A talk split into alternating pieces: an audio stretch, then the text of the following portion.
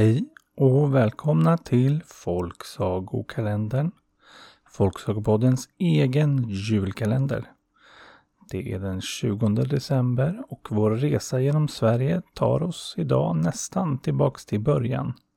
Vi började ju i Sörmland och idag befinner vi oss snett nedanför i Östergötland. Där man till exempel kan besöka Linköping eller Norrköping. Eller varför inte Mjölby eller Åtvidaberg. Landskapsblomman är blåklint och landskapsdjuret är knölsvan. Och en saga från Östergötland, ja, den kan låta ungefär så här. Det var en gång en pojke som hette Loritz som var ute i skogen för att plocka bär. Men bäst han stod där och plockade så kom en gammal kärring fram och frågade vad han gjorde. Han sa att han plockar bär. Men det tyckte kärringen att han skulle sluta med. Du får följa med hem till mig istället. Kan få hur mycket bär du vill. Ja, och mjölk också. Och det ville ju inte Loritz missa, så han följde med tanten.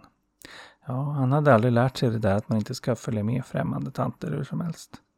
För det var ingen vanlig kärring. Det var såklart en trollkärring. Och istället då för bär och mjölk som hon lovat så ville hon servera honom paddor och ödlor.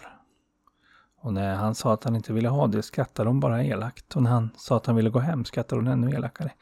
Du ska inte gå någonstans du! Du ska stanna här och göra mina uppdrag, sa hon.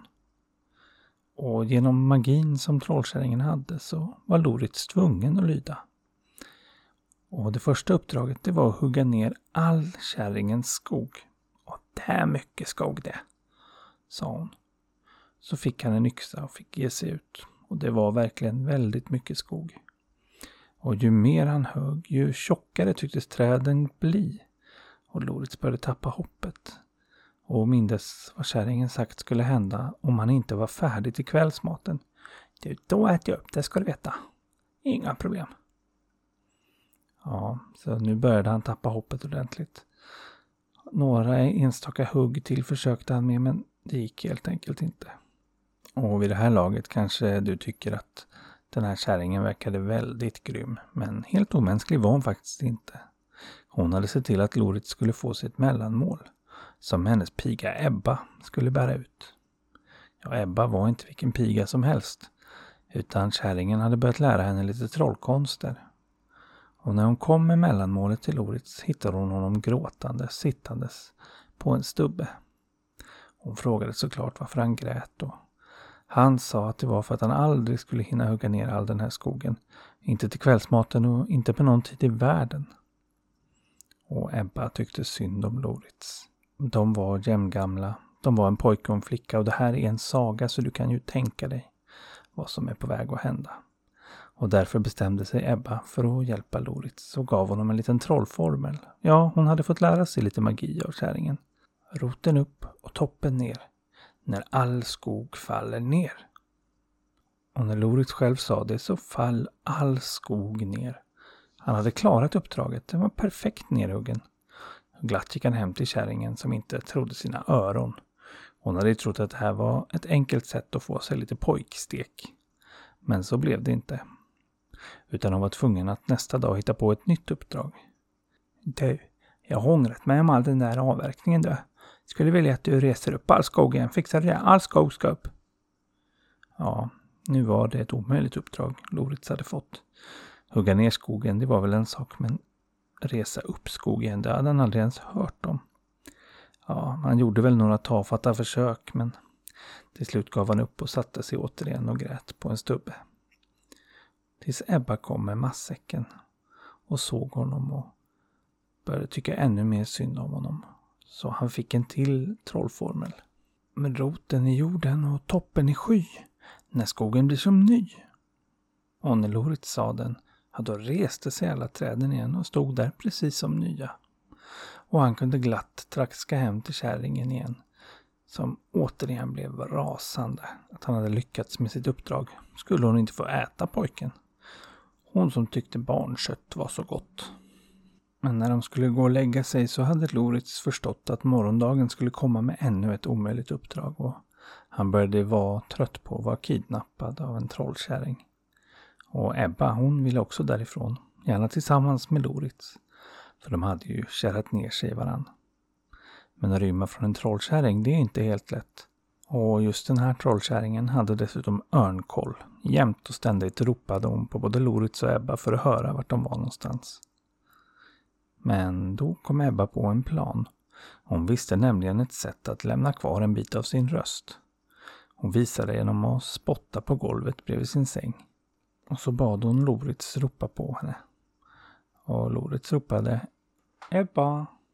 Och genast kom Ebbas röst bort ifrån sängen med Ja. Fast Ebba var på andra sidan rummet. Ett fantastiskt litet trick att använda sig av.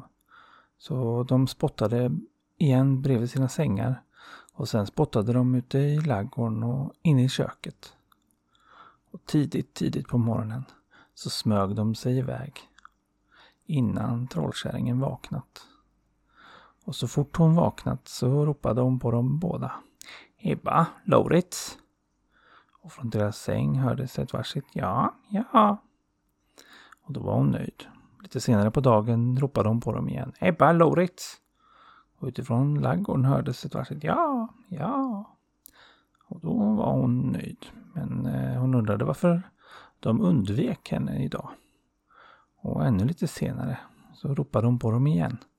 Och från köket hörde varsitt ja, ja. Men just då var trollkärringen i köket och såg att där var ju inga. Då upptäckte hon de små fläckarna på golvet och förstod att hon blivit lurad. Och genast satte hon iväg efter dem. Ja, hon hade ett fantastiskt luktsinne så hon kunde genast vädra vilket håll de hade gett sig av åt. Och de hade kommit långt men inte så långt för trollkärringen hon var snabb, rent av magiskt snabb. Och snart hörde de henne trampande bakom sig. Och Loritz han tänkte nog att nu var det kört, men Ebba, hon var förberedd. Hon hade snott en flaska av trollkärringen och nu hällde hon ut den bakom sig och Loritz. Och genast kom det upp en stor sjö där hon hällt ut innehållet. Mellan henne, Loritz och trollkärringen. Och då såg det ut som att de skulle klara sig. Men det ville trollkärringen bli två om, så hon började genast att dricka av vattnet. Och snabbt drack hon, och mer och mer och mer. Och till slut var hela sjön tom, och hon satt efter dem igen. Men som tur var för dem så snubblade hon och sprack tanten. Så hela sjön rann ut igen och trollkärringen försvann. Och nu kunde de pusta ut. Och visst borde det vara här som de får varann och gifter sig och lever lyckliga alla sina dagar. Men något tokigt måste ha skett när trollkärringen sprack. Ja, någon förtrollning som bröts eller något. För puff hade Loritz helt glömt bort Ebba och gett sig iväg åt ett annat håll. Och inte långt därefter började han gå efter andra flickor och snart gick ryktet att han var förlovad. Ja, Ebba hon var inte utan friare hon heller men hon ville minsann inte ha någon kar. Ja, skulle det vara någon skulle det väl vara Loritz men inte ville hon ha honom heller efter vad han hade gjort. Så hon gick mest hemma och muttrade. Men ibland dök det upp en och annan friare och då såg hon till att friaren fick sina fiskar varma. Som när det kom en snickare och ville fria. Och Ebba sa att ja, men om du ska kunna fria till mig då måste du hjälpa till här hemma. Här till exempel står min ytterdörr öppen. Du kan ju se till att få den stängd så kan vi prata sen. Och det tänkte snickaren var en lätt match och smällde igen dörren. Men den gick upp lika lätt igen. Och då smällde han igen den igen. Men den gick upp. Och igen. Men den gick upp. Ja, han stod där hela långa natten. Så på morgonen fick Ebba komma ut och säga att det var nog dags att ge upp. Och snickaren fick vända hem. Utan att fått igen dörren och utan att blivit förlovad. Eller en annan gång. När en smed ville fria och Ebba sa att ja, det var väl tur att han just kommit för hon hade problem med spjället i spisen. Om han kunde öppna det så kunde de kanske prata giftermål sen. Och det tänkte smeden skulle bli ett lätt uppdrag. Stark som han var skulle ett litet spisspjäll stoppa honom. Och så tog han tag i det och drog det hårdast han kunde. Men det hände inte ett jota. Och han drog och slet och slet och drog och försökte på alla möjliga sätt men Spelet förblev stängt.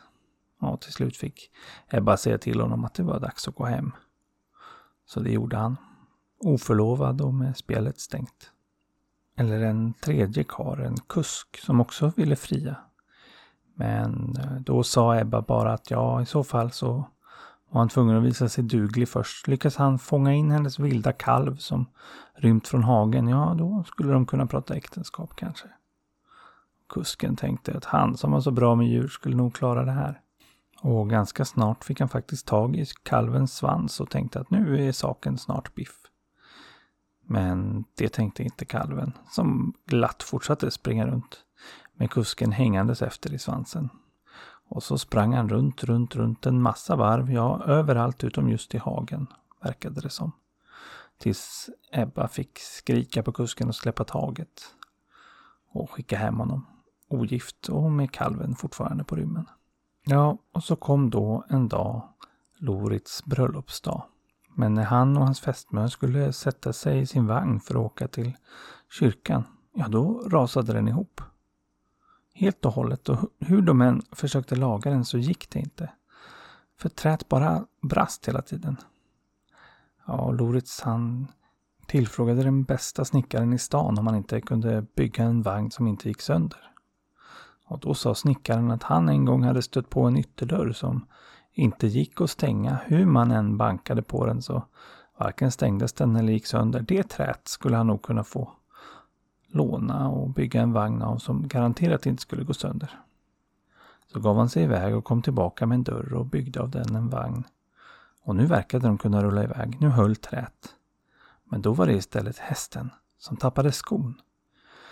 Ja, de skickade efter smeden som kunde slå fast dem igen men knappt hade de hunnit några steg förrän nästa sko ramlade av och nästa igen och sen den första igen. Och, ja, det gick helt enkelt inte att komma vidare. Det var som att metallen i hästskon hade blivit alldeles för mjuk eller böjlig eller skör. Och Lorit som nu blev mer och mer stressad undrade om inte smeden kände till något järn som var hårdare eller bättre än det här. Och då kom smeden på att han en gång stött på ett ugnsspjäll som nog var den hårdaste metall som någon skådat och begav sig iväg för att se om han inte kunde få tag på lite metall från det där spjället. Och snart var han tillbaka med det där ungspjället och kunde av det göra några prima hästskor som satte sig fin, fint på hästens fötter och satt som berget. Nu skulle de väl ändå äntligen komma iväg. Nej, men då började själva hästen och bängla sig istället och vägrade prompt att röra sig i fläcken. Så de gick efter en annan häst, men den vägrade också och en tredje häst var likadan.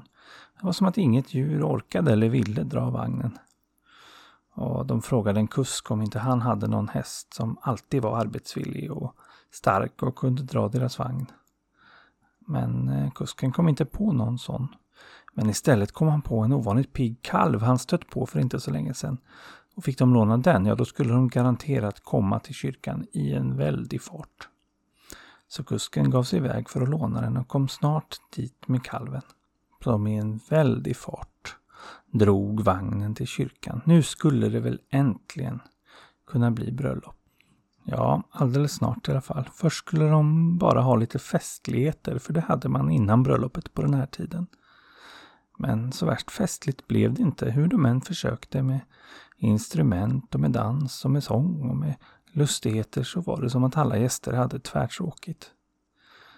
Och till slut var det någon som knäckte idén att skicka efter Ebba. Hon var ju den roligaste de kunde tänka sig. Hon skulle säkert kunna komma och stoja lite så skulle det bli fart på festen. Så Ebba skickades efter. Och hon kom och det blev ett hejdundrande drag på kalaset och så skulle hon avsluta med ett trolleritrick alldeles innan vigseln. Hon trollade fram två duvor från tomma intet och släppte iväg dem. Och till dem ropade hon Flyg nu vita duvor bort, precis som Lorits min, med minne kort. Och när hon sa det så kom plötsligt Lorits minne tillbaka av Ebba och om deras äventyr tillsammans. Och genast insåg han hur dum han varit och att han inte ville gifta sig med den här kvinnan som han skulle gifta sig med nu, utan såklart ville vara med sin älskade Ebba. Och det fick han. Så det blev bröllop mellan Ebba och Loritz.